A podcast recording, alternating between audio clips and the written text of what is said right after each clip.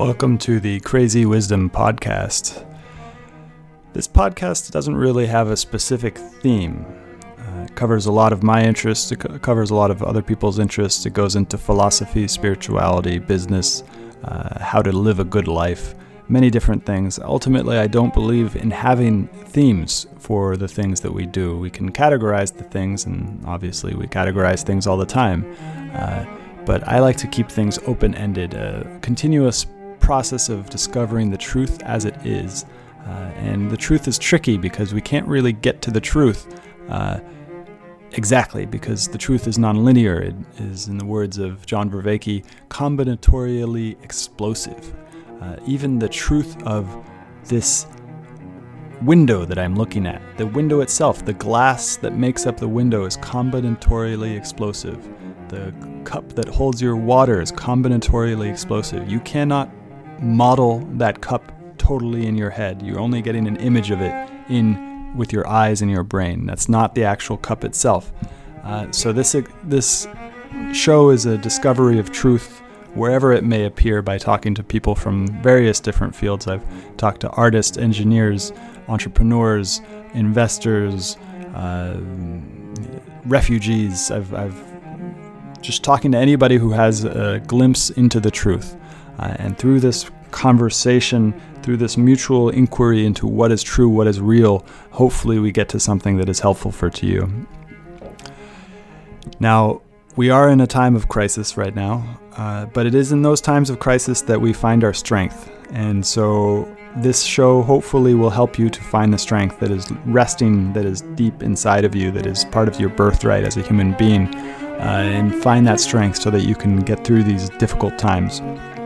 Also, I want to let you know that I'm offering breathwork sessions uh, every day. I've got seven sessions a day. Uh, and really excited to bring this to people. People have been really enjoying it, and it has brought strength to people and courage. and And that's my that's my goal is to help you find the courage to uh, not only survive but to thrive in the next couple years, maybe because this virus is not going away. Um, it, it, usually viruses come in waves. Uh, so this is the first wave. It will go away, and then it might come back. I'm not saying that I know for sure it will come back, but we are in this for the long haul. So this is a uh, marathon, not a sprint, uh, and I want to do everything I can to help you not only survive but to thrive. Uh, so. If you are interested in that, please find me on Twitter at Stuart Alsop III. My DMs are open. I'd love to hear about what you think about this show. Uh, also, it'd be very, very kind of you to both subscribe to the show on Spotify, Stitcher, uh, iTunes, many of the major pot plat- platforms. And if you're really feeling generous, go ahead and give a review on iTunes. So join me for the breath work. Just send me a message on Twitter at Stuart Alsop III with your email, and I'll add you to the email list where I'm sending out emails for the schedule. Uh, hopefully, see you there. Have a great day. Welcome to the Crazy Wisdom Podcast. My guest today is Zev Weinstein. He is a self described kid trying to piece the world together from first principles, something that I find to be pretty interesting and entertaining for myself. Because uh, what the hell are even first principles and how do we find them? And, and uh, so I'm really excited. to Welcome to the show, Zev. Thanks for having me. Yeah.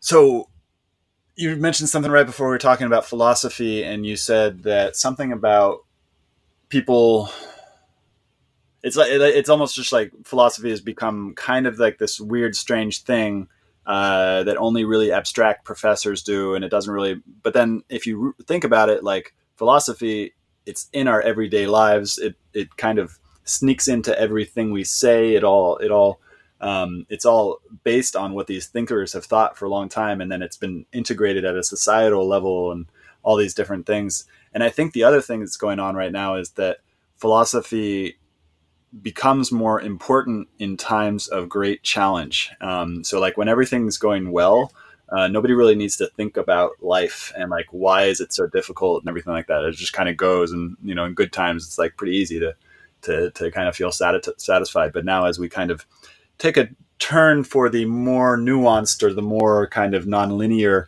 uh, we're now having to ask these questions of like, damn, how does that how does that work? Uh, what do you think about that? Well, I mean, firstly, I think philosophy becomes more dangerous at a, at difficult times sometimes. Mm. I think you know Socrates, for example, was admired in Athens until war broke out and everyone wanted to please a, a simpler notion of God, and they killed him uh, because it's it's sometimes difficult to question inherent truth. I think essentially what frustrates me now is we've completely discarded um, the value of a thinker as nothing more than than a thinker. Uh, I think we've discarded the polymath in that sense as well, and I think we've. I don't think, at least nationally, we care about simply smart people in the same way that that we used to. Um, so I think that means we're much less interested in thinkers. I think if you're going into philosophy at a um, at an educational academic level, really what you're doing is a study of old and, instead of simply questioning. And honestly, the whole thing feels somewhat asocratic to me. So that's that's something I, I struggle with in, in modern times, I suppose. Have you done any research into Eastern strains of philosophy? Um, I'll, I'll, I'll say something else before we get into it as well, which is that it's funny that so I think most people mistake the role of Eastern philosophy and what it actually says because a lot of times the people who originally translated it weren't um, uh, like actually didn't actually really know what they were doing that much in terms of translation and they didn't have the kind of practical experiential understanding of what these people were talking about in these scriptures that were dead for long times that were undiscovered for a long period of time. Uh, and so they made a lot of mistranslations that uh, fortunately or unfortunately kind of created this new thing that we have, which is called modern yoga asana. Um, and and is now like in San Francisco was this really kind of melding that happened between um, uh, Eastern philosophy and New Age thought, which is which is based off of a a mistranslation of Eastern thought. Um, and but so this is kind of an um, a tangent, but uh, it's very I don't know. Have you have you looked into Eastern philosophy at all? Um, really not very much. Uh, I will say, quite honestly, most of my understanding of philosophy comes from one or two books. Uh, mm. The book that probably supports most of my knowledge would be uh, A History of Western Philosophy by Bertrand mm. Russell. But mm-hmm. I, I, will say that he talks about um, sort of very similar things. I, I know his belief is that we can't imagine that people, like if you take the whole question about who to trust uh, on Socrates, because Plato was very opinionated and he was the only, he was he was the best student of Socrates and the one writing many things down. Many mm. people say you can't trust Plato's translations of of Socrates or his interpretations of, so- of Socrates because they're combined with uh, Plato's own ideology. So many people want to trust Socrates' other student Xenophon, except Xenophon was not as intelligent as Plato, and so people think he's less biased. But really, I think Bertrand Russell's frustration with it is that when a lesser intellect tries to uh, um, interpret and translate um, complicated ideas, it, it can't necessarily uh, comprehend it collapses whatever the original uh, beliefs were into something that the lesser intellect can uh, can understand, and therefore all it does is lose nuance instead of, of lose bias. So um, interesting. So this is very fascinating because it gets to this whole problem with not necessarily problem, but language itself. Um, trying to because there are these thinkers that come about and they're uh, what's the word? They're anti-orthodox and, and they they're nuanced like infinitely nuanced not infinitely nuanced but they're very nuanced. Like plato was a very very nuanced individual who who, who gave us a way of abstractly grasping these crazy nuances. Uh, and then Nietzsche did the same thing, and it's but they're they're they all by definition have to be ahead of their time. But at the same time, then they are also. I think there's something that a lot of people miss is that they're oftentimes very sensitive um, or understanding, uh, and so they are sensitive to this collective understanding of the world and they can peer through it and ask questions about it in a way that nobody else can and even when they talk it's like at that same time you have very few people who can understand it Um, what do you think about all that? Well, with regards to this whole anti-orthodoxy thing, I think there's sort of a simple rubric we can use for uh, deciding whether an anti-orthodox position is mm-hmm. worth any value. If if we look at someone like Picasso, right?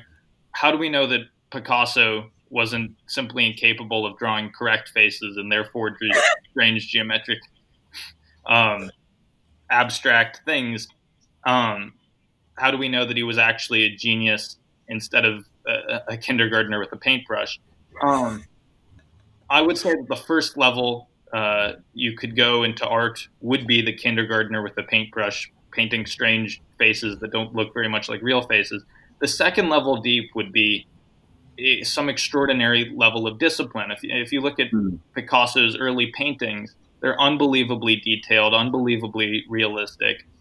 He's able to demonstrate his discipline before he goes into all of his crazy abstract artwork, and I think I think that is the whole point, sort of, of uh, of learning what came before and proving your your facility and your discipline with it is you earn the uh, you earn the ability to say things which seem like they don't make any sense because the the outside world is is able to uh, to understand at that point that you're three levels deep instead of one level deep, and you're coming at something from an abstract and understanding perspective instead of from a, a naive perspective. So, I think that's generally my my rubric for uh, for anti-orthodox thinkers. They have to demonstrate their their ability to uh, comply with regular Orthodox thought. You know, if you look at like the poem Ozymandias, for example, um, Percy Shelley is able to to demonstrate um, both his his discipline and his abstract capacity within one poem. Like it starts off with like very good meter, and then as as everything decays in the poem, so does the so does the meter. So he's proving to you that he's capable of it before he um, and uh, uh, have you ever read any Bukowski, Charles Bukowski? I haven't actually. Okay, yeah, I'd, I'd recommend him because there's something I've been trying to piece together. I know a lot of other people have kind of pieced it together already, but I don't understand them when I'm reading them or talking with them. Uh, but, or have you ever seen The Big Lebowski? I, I haven't, unfortunately. so, so these two kind of pieces. The Big Lebowski was anti-hero, having an anti-hero, um, and an anti-hero I don't think existed really before. Uh, where you just get this guy who's the Big Lebowski, who's this dude who just hangs out and he's chill all the time. He doesn't really accomplish anything, and in some ways, it's like kind of significant of what postmodern um, philosophy talks about. Like that was the peak postmodern, and now I think we're going into meta modernism, which I still don't fully understand either. So if anybody's listening to this wants to educate me on that, would be great. Um, or, or if you know anything about meta modernism, do you know anything about meta meta modernism? No, it's interesting that you, that you bring up the anti-hero because I know that um, the tragic hero was originally Aristotle's concept, wasn't it? Mm, interesting. Um, yeah, uh, I'll, I'll have to admit I'm some, I'm sometimes attracted to some some of the, the tragic heroes we see throughout history. I I think that that might be something of a of a problem because they're not always always good guys. But once again, there's this whole question about smart people and when do we stop caring about it? Mm. And so, and you think that's happening? I, th- I think it is happening at a societal level, but I also think that there's a bunch of people who don't really make a lot of noise on social media but are on it and are just listening and are too afraid to to to talk. And I think they resonate with it, but I don't know. Um, I I enjoy like we like you were talking about earlier. It's just like these these thinkers they they find these little niches of like I want to test this. I've I've mapped out all the stuff everything else is everybody's mapped out, and I want to go down this little little side path that I found and like go down it really, really deep and create this new thing that kind of shakes up the whole genre before. What do you think about art? What is the purpose of art for human beings? What utility or what hole does it fill? Um, so when you say art, we're talking strictly about visual art or. Hmm in my mind, I had uh, I had any sort of art, so literary art, visual art. Um, it, like, what is art, and why why does why do humans seem so compelled to do it? Well, okay. Um, in line with in line with our our previous conversation, I think that like this is a this is a question that's existed you know from from Plato's time. Plato, I think, hated all forms of art because hmm. if you think about his theory of forms, reality is a corruption of an ideal, and therefore art is a mm-hmm. second corruption of reality. So to him, it's about as corrupt as you could imagine, and it's just blatantly uh, offensive. Um, and then, it, like I think Francis Bacon talks about poetry. Um, poetry is like one of the forms of art that I think Plato was not in favor of. Um, and his point is that the whole point of something like like poetry is to lie to oneself. Hmm. Um, I, I, think this is in an essay called "Of Truth" that uh, that, that Bacon wrote. Um, his point is that um, poetry is a form of lying to oneself. Um, I think he gives the example of merchants who lie to uh, uh, to sell their goods and poets who lie uh, to give people pleasure. And he says that poetry and other, I think he's talking about other such uh, forms of art as well, are okay because they're lies that don't linger in the mind. So as long as you, as long as you mm. understand that you're being lied to, it's, it's okay to uh, to consume to consume art. Personally, I uh, I don't know. I'm a very technical and literal person, but I think very often the people who who explicate art and have to actually analyze uh, very figurative, figurative things are the people that have to be the most literal because you can't have an artistic uh, description of something that's already inherently artistic. So I would say that I have, I have sort of a weird feeling uh, about all of this, but it's certainly something that I think has, has interested everyone throughout throughout history and that's what you just mentioned there is interesting because there's the artistic side and it's almost like the non-linear side the the I've got something in my being that I need to express through the limited means that I have to my to my at my disposition. And uh, I have these fingers and they're linked to the prefrontal cortex in a way that's very interesting. Um, and they can create these just like expressive pieces. Uh, but then that same thing that can describe that abstractly in a way that everyone else can make sense of it, uh, you need to be on the other line. You need to be on that analytical line. Maybe I'm not sure. I think there might be a way you can do both. Um, uh, it makes me think about the right brain and the left brain. And there's this great book called The Master and His Emissary by a neuroscientist who who was fed up with the the current neuroscientists saying like, oh, there is no major di- or there all this stuff that the, that the popular media has come up with about right brain, left brain is all bullshit, and a lot of it is bullshit. But then he was like, well, here here is how some of it is not bullshit and is actually very nuanced, and here's how it's nuanced and goes into the, all the science behind it. Very interesting, very dense book, um, and it talks about the right brain and the left brain. One of the biggest things I got from it is essentially like when we're looking at the world, when we're in a new situation which is novel uh, for us, we're we're we're seeing it as a whole as a whole picture. The, the brain is putting it into this unitary vision of, of what's going on. Um, and then and then we're like, okay, we're interested in that whole thing, but I have no idea how it works. And then you go into it, and and then then that's where the kind of this left brain takes into it takes into account, and you start to break it up into little pieces. Uh, and so you analyze it, you sequ- sequentialize, you put it into abstract steps, um, and then you you go one skill at a time or many skills at a time, and then and then kind of figure your way out of it but you're kind of confused all the time and nothing really makes sense. And and then it eventually once you've got it into muscle memory and the ability to create then it goes back to the right brain and you're allowed to see it as a as a as a whole unitary picture.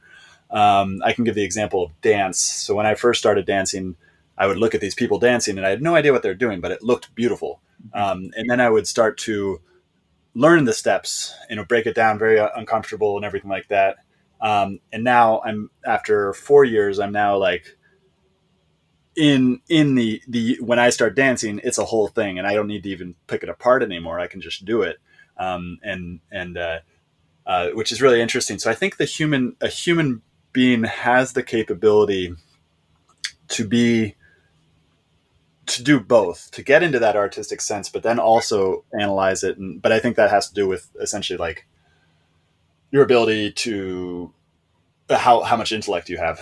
What do you think? Well i think i think for some reason we don't care enough right now about um, the most analytic parts of our brains the most rational parts of our brains.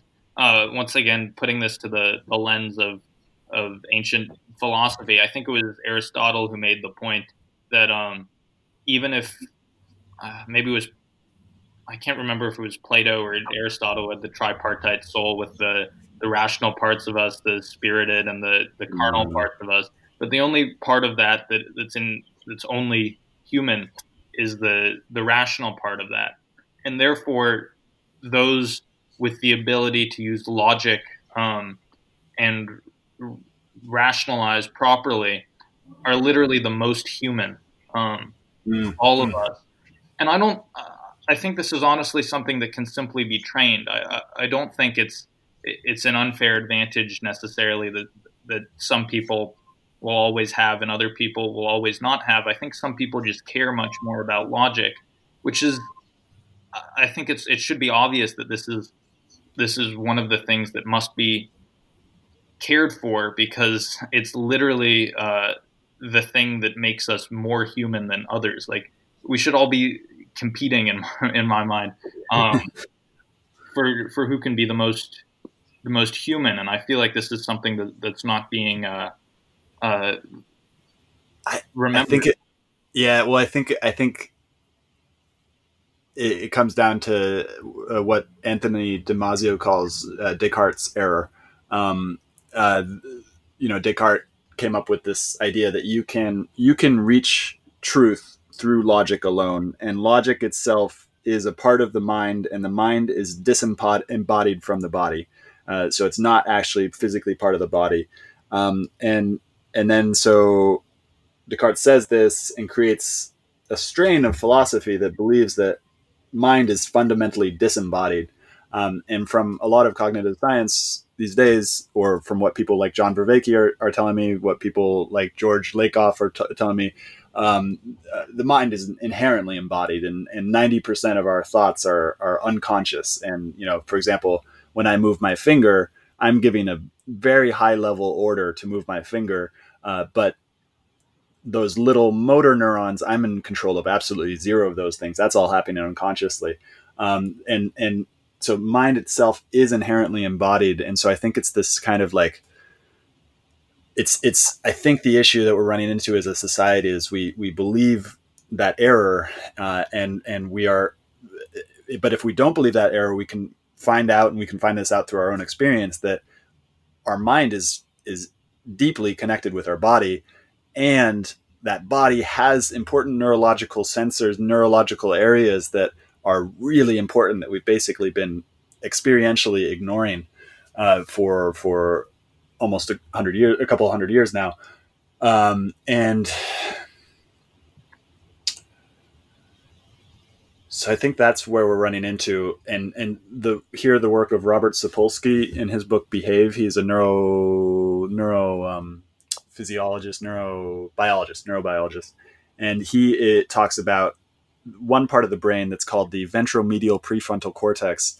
And that part of the prefrontal cortex, which is this forward part of our brain that's intimately connected with our fingers, uh, is is basically where the emotional resonance thing, the gut check, is actually like it's not in that part, but it's in that part and probably very connected with our gut. Um, and and so it's like uh, I find a lot of people are disembodied these days when I talk with them, and, and this is why a lot of somatic practices of actually inhabiting the body, dancing, movement, all these things. I actually think like for many people shy away from them because they're essentially like these these awkward things that of like movement of being inside a human body, and then and then they they sometimes think that it's antithetical to logic or rationality. But I have in my own experience, the more that I do this body stuff, the more that I connect all these parts of my body with my mind in a way it improves my ability to be rational what do you yeah. think yeah um listen, let, let, let, me ask you a question. Would you hmm. consider yourself a philosopher? No. Why not? Because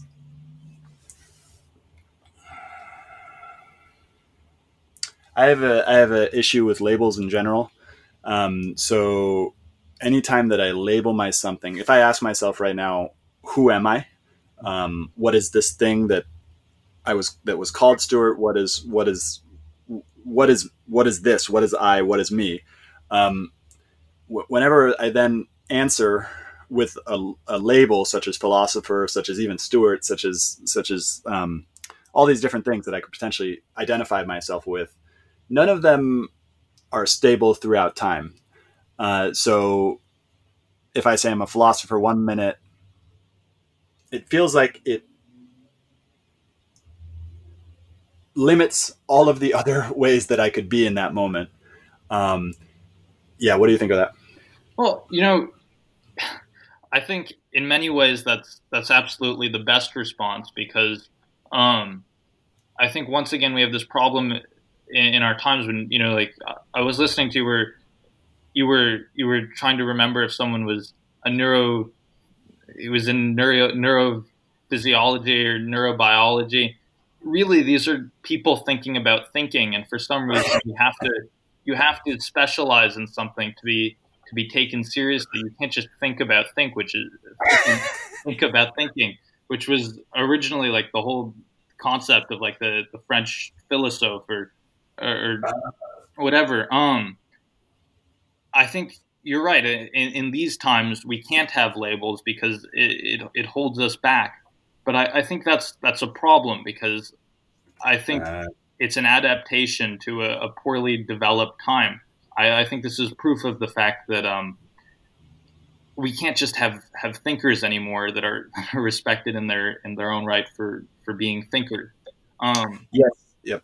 I think the other thing was in a in a previous a previous time, at least in this country, if you were if you were smart and you were good at something, you could for the most part be like a very complicated person with a lot of individuality mm. and personality.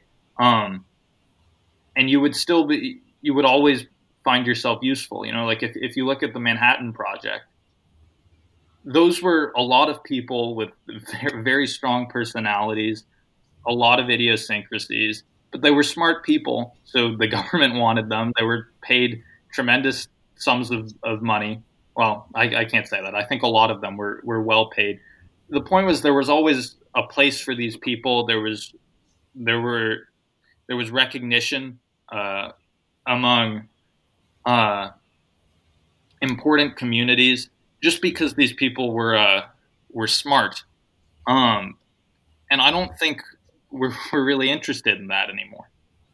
So I, I, think that sort of ties us back to the the roots of, of this conversation originally.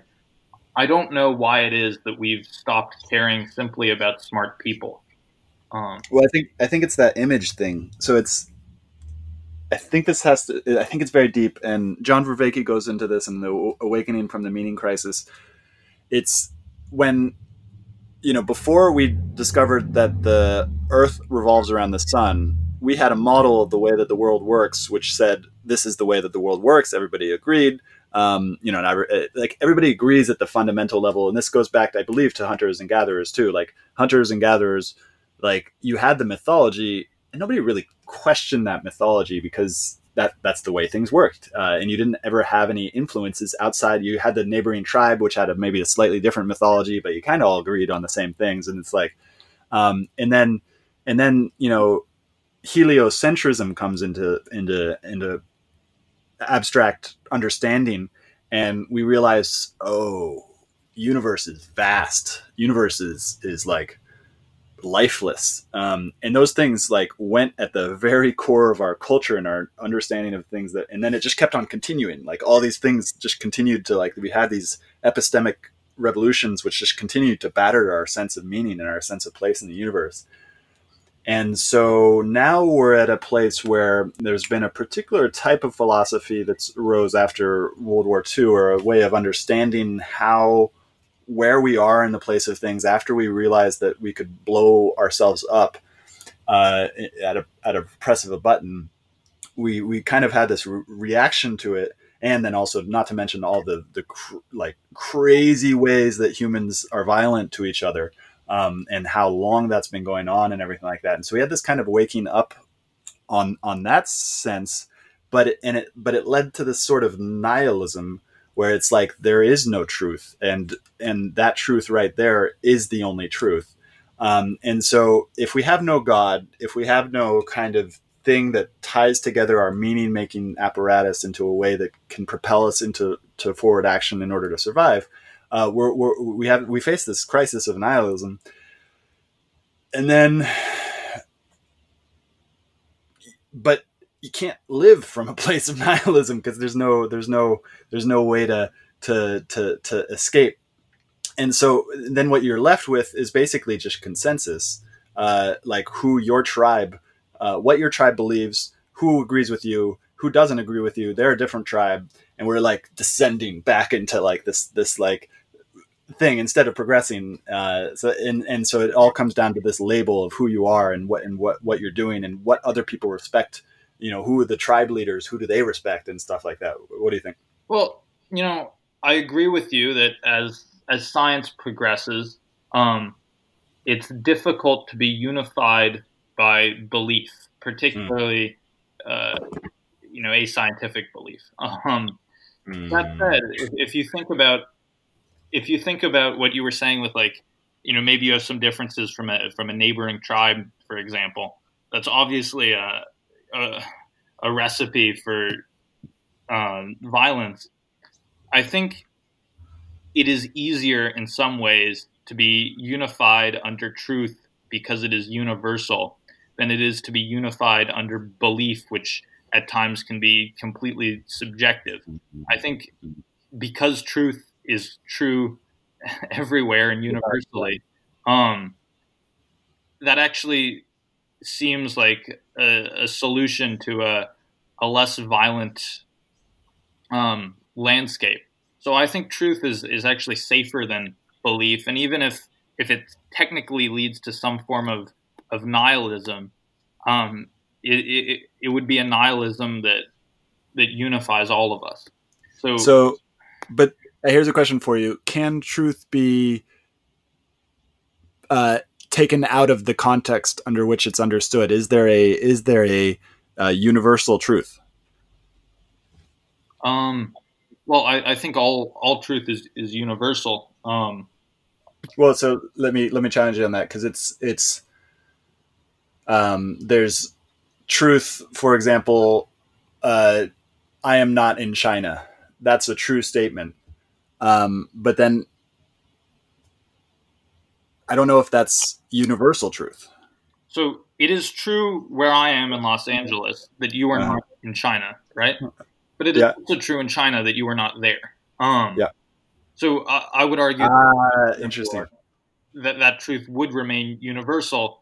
Um, Whereas if if you took some mythological belief of your invention, like there are there are four of me and three of and three of them are invisible and don't talk, and in China they have a belief that there are six of you and five of them are invisible and, and, and don't talk. You then have have some disagreement there, which uh, I mean, obviously all disagreements have their uh, have their consequence and I think that's that's another example of why truth is is universal and at times much safer than uh, beliefs, which could change wherever you go, um, depending on circumstance and climate. But isn't but isn't the interpretation of the truth a belief? Um, elaborate. So so so okay. So we got. So I'm not in China right now. Um, there are several assumed interpretations of what I just said. I'm not in China. Uh, one of one of which would be China is a country with a border uh, and with national geo, but all of those things are kind of abstract. So they're all interpretations of what we have, and we share a lot of those interpretations, and that's why we can communicate so fluidly.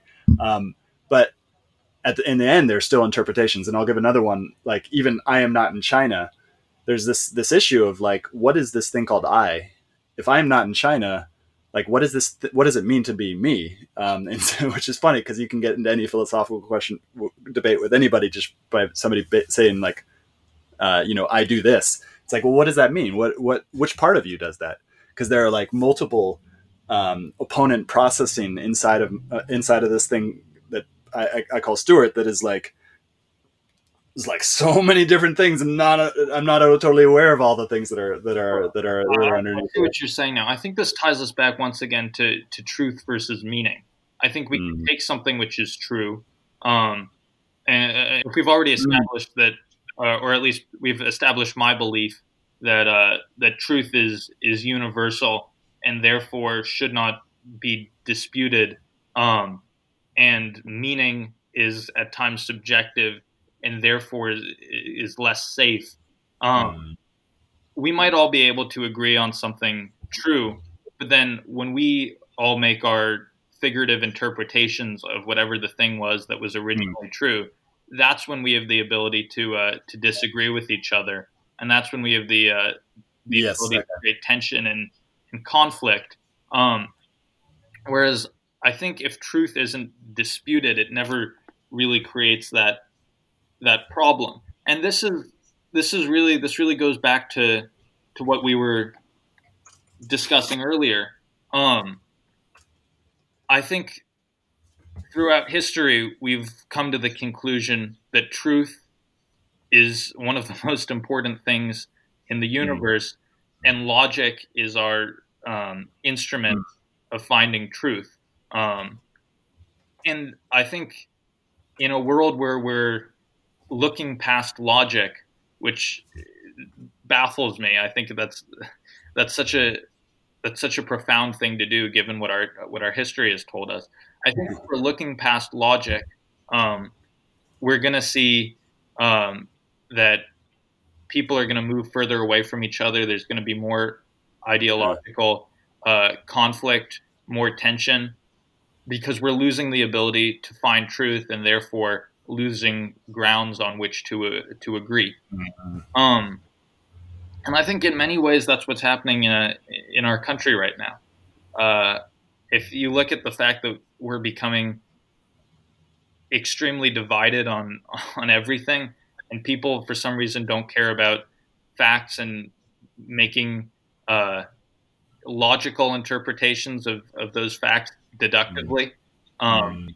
As much as as one might care about belief now. I think that sort of proves to us the danger of abandoning logic as as pursuit of as pursuit of truth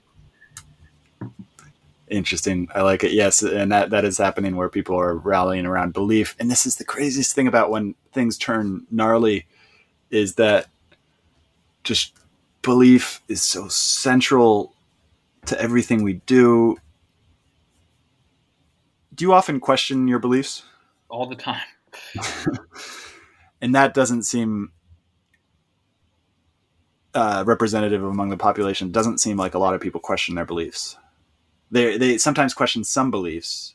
Well, maybe it's the most loud people though. I think that's another thing that's happening too is that the loudest people uh, are now violently loud and, and in some ways tyrannical and and since every citizen is now a journalist essentially it's it's uh, you know everybody's got their opinion and the people who are loudest kind of you know continue to say what they believe uh, without any question about it. And uh, and so it it poisons the whole the whole thing which I think was a reason why a lot of communities are starting now that are private and that are that are kind of like uh, vetted um, so that you don't have these crazy intolerant people who just like automatically take everything on bad faith um, and and uh, it's getting really weird and then you got these other you know bad actors who are somewhat automated like China and Russia that are specifically poisoning the debate so that they can they can ha- win national political goals um, and that's crazy.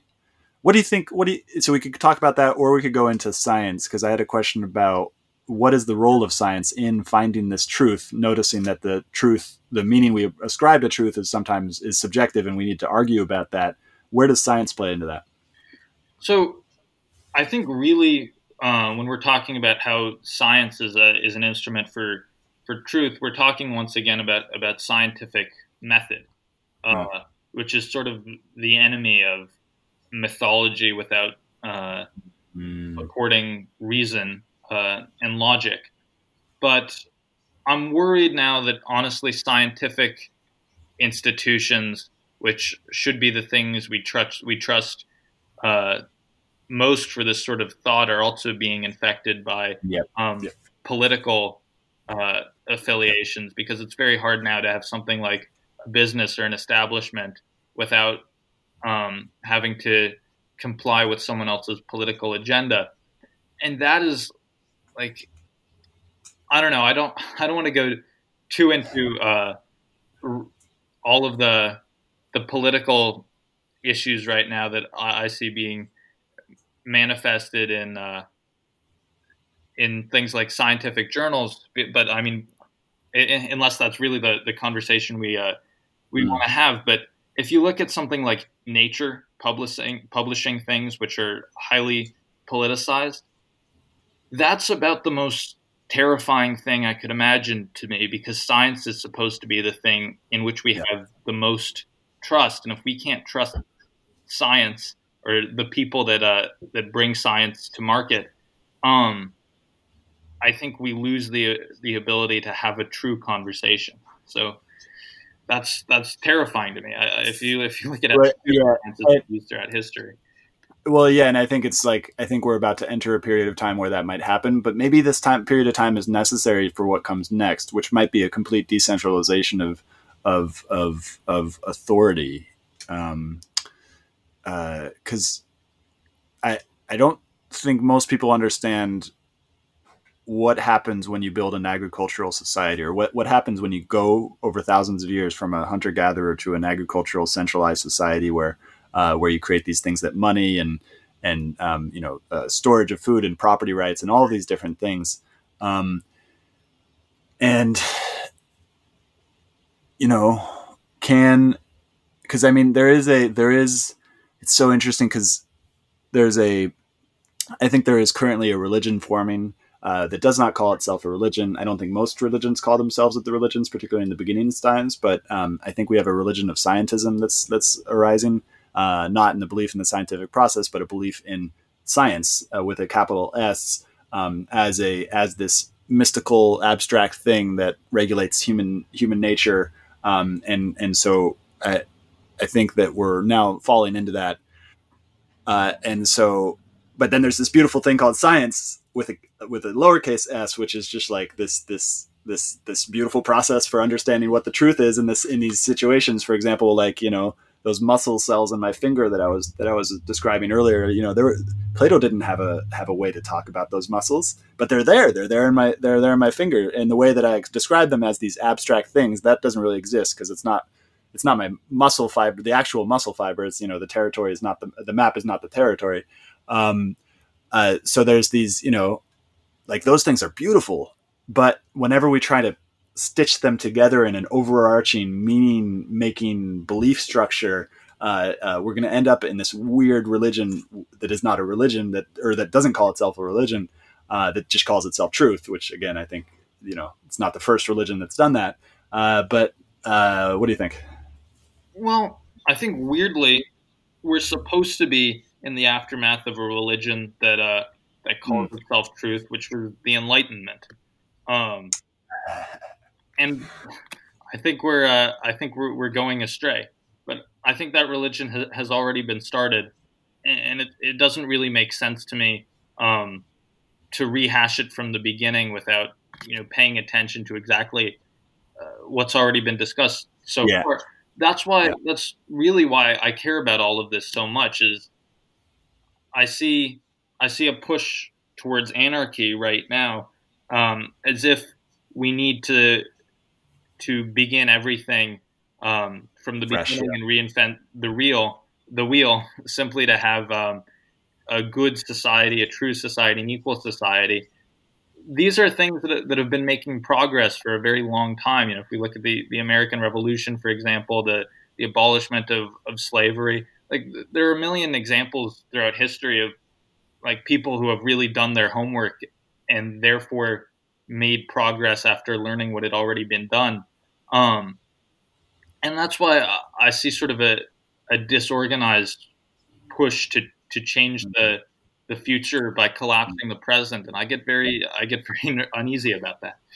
I do, I do do that. That, that. That points to exactly what I was saying about about the the the, the, the this new religion because it's in, in I, I, still haven't been able to express what I'm about to try to express, but uh, uh,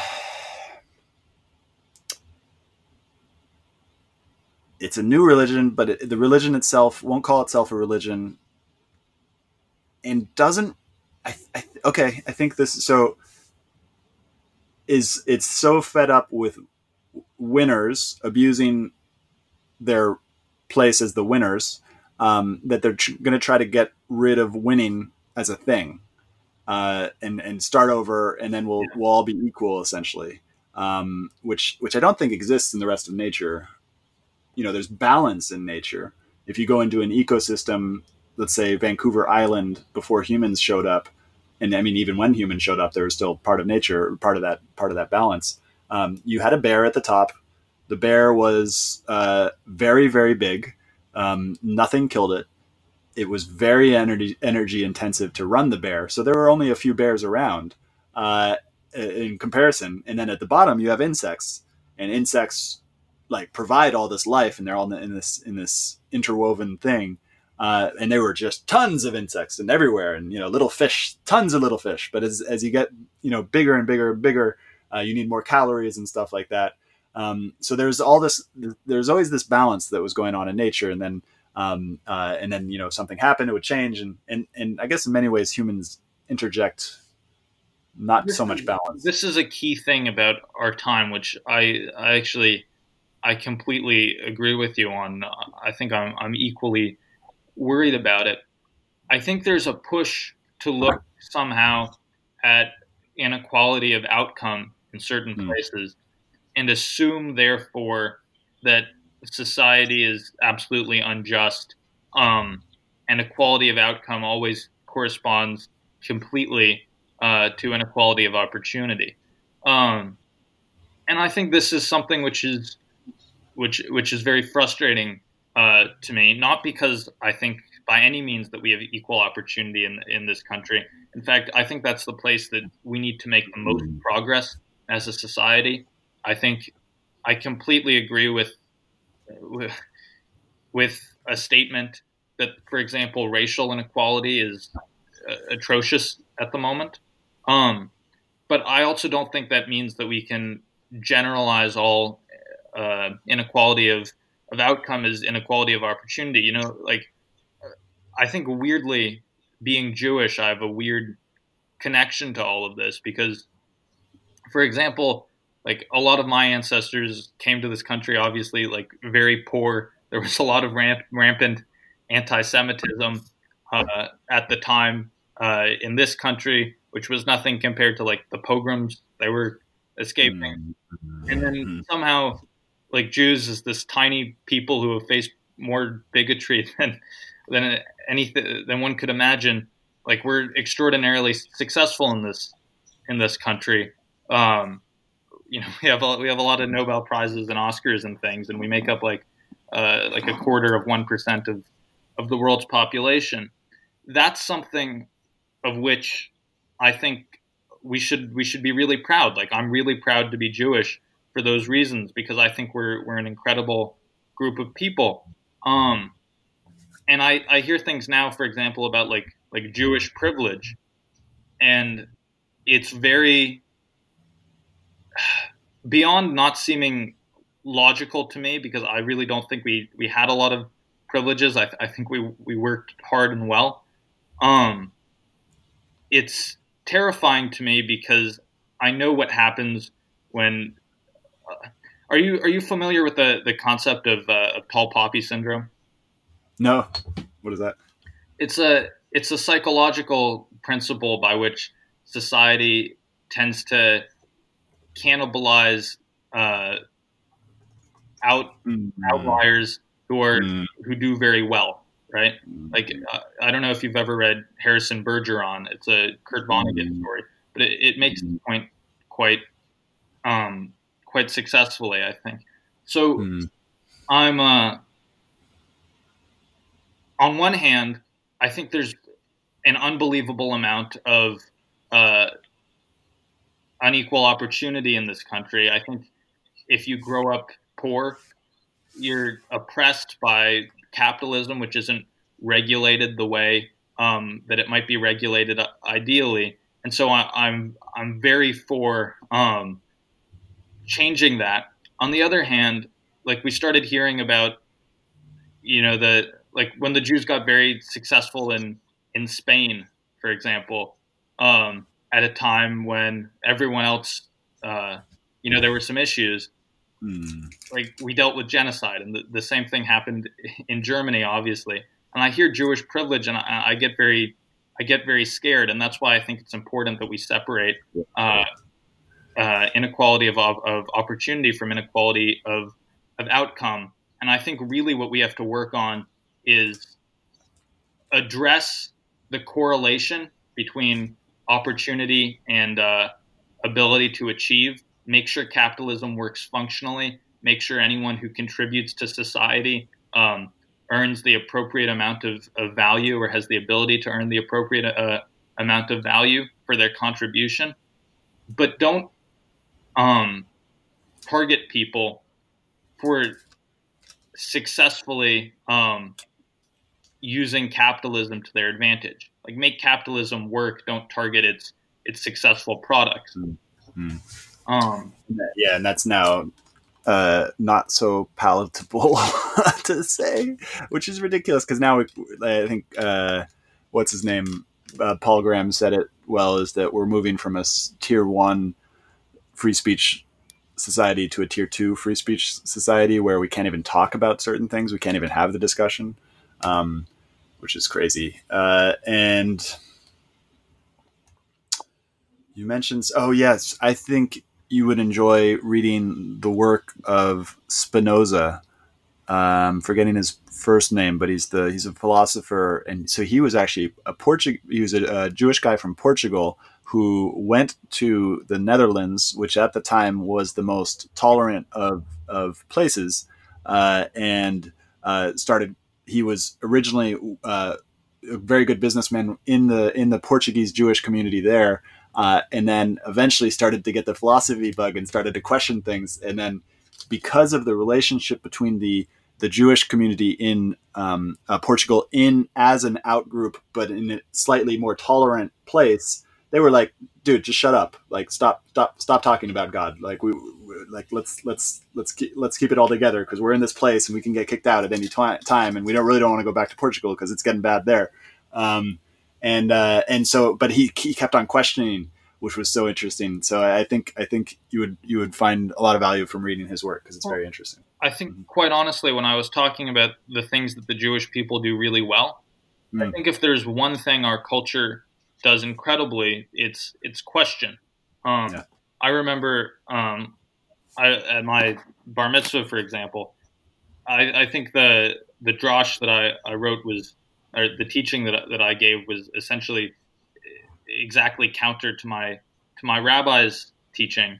Um, and this was something of which I think we were both very proud because interesting. Um, I was, I think it, it showed um, a love of whatever the the culture was enough to be able to rebel against certain concepts and beliefs and individual compliances with whatever the, the culture was.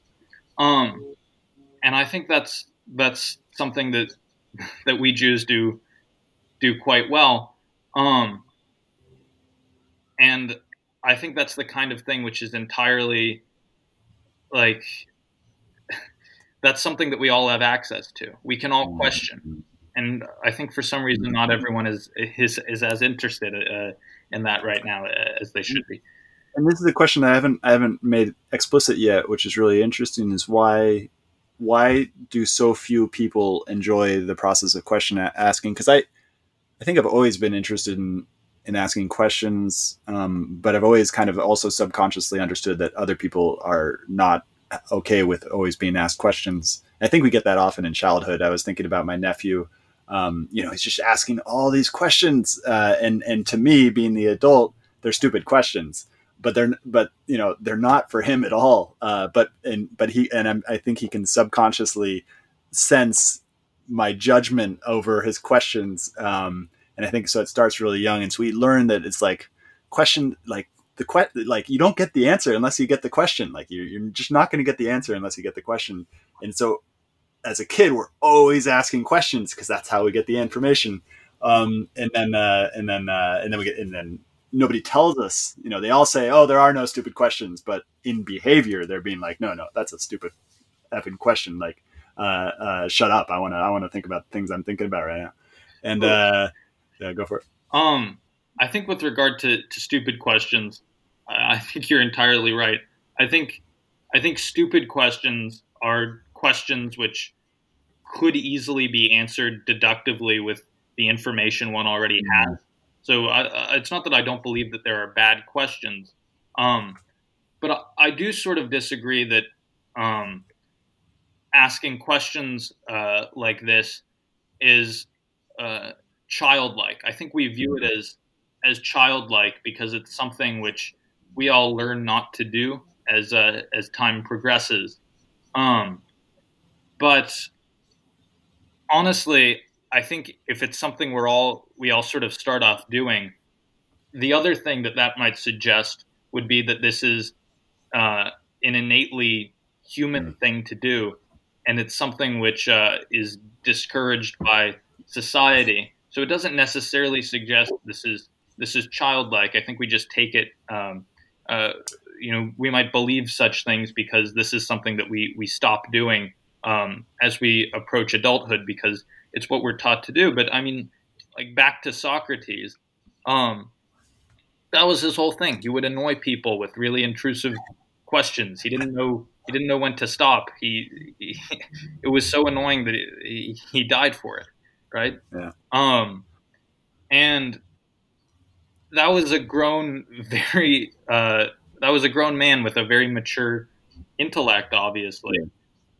and it's bothering to me that this is something that we all view as like a, a childlike process because I think it's honestly an innately human process, or at least it should be, that makes us. I think it's very often the root of our of our knowledge and our and our intellect is our mm. propensity to uh, to question. Interesting.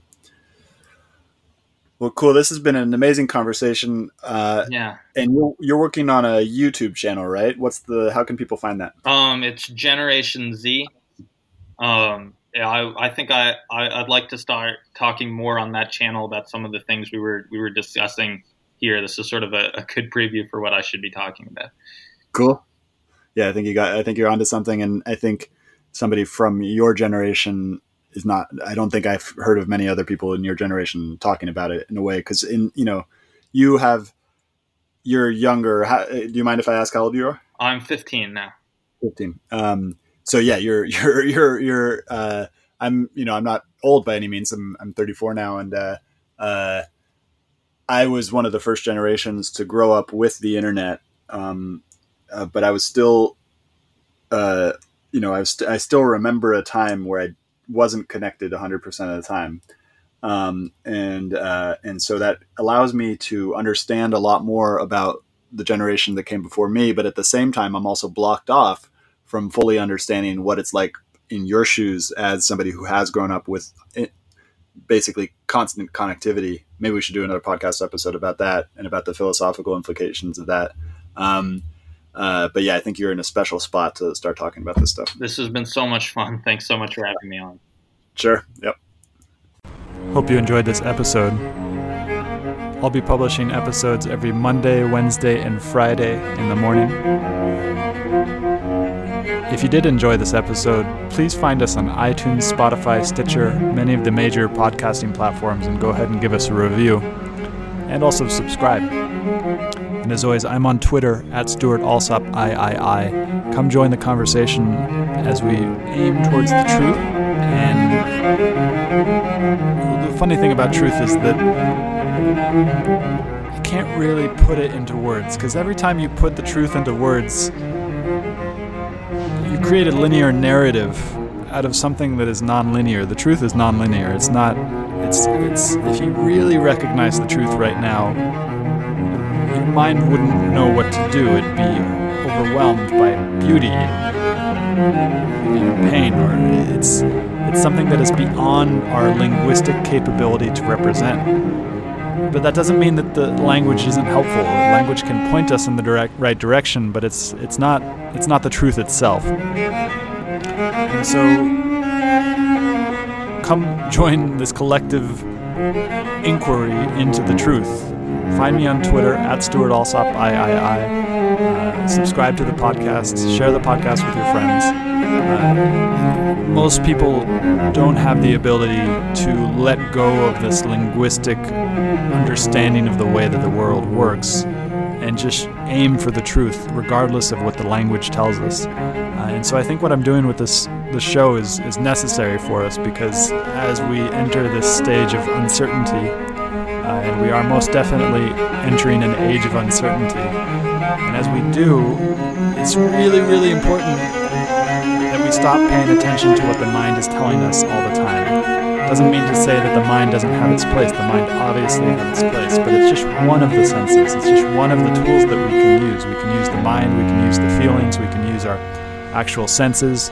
Uh, we can check our intuition with other people because sometimes the intuition tells us the wrong thing as well. Sometimes the intuition is wrong. So it, we can't we can't rely on any one tool to get us there. So come join the show. Find us on iTunes. Find us on Twitter at Stuart Alsop III, uh, and come join the, this inquiry for truth.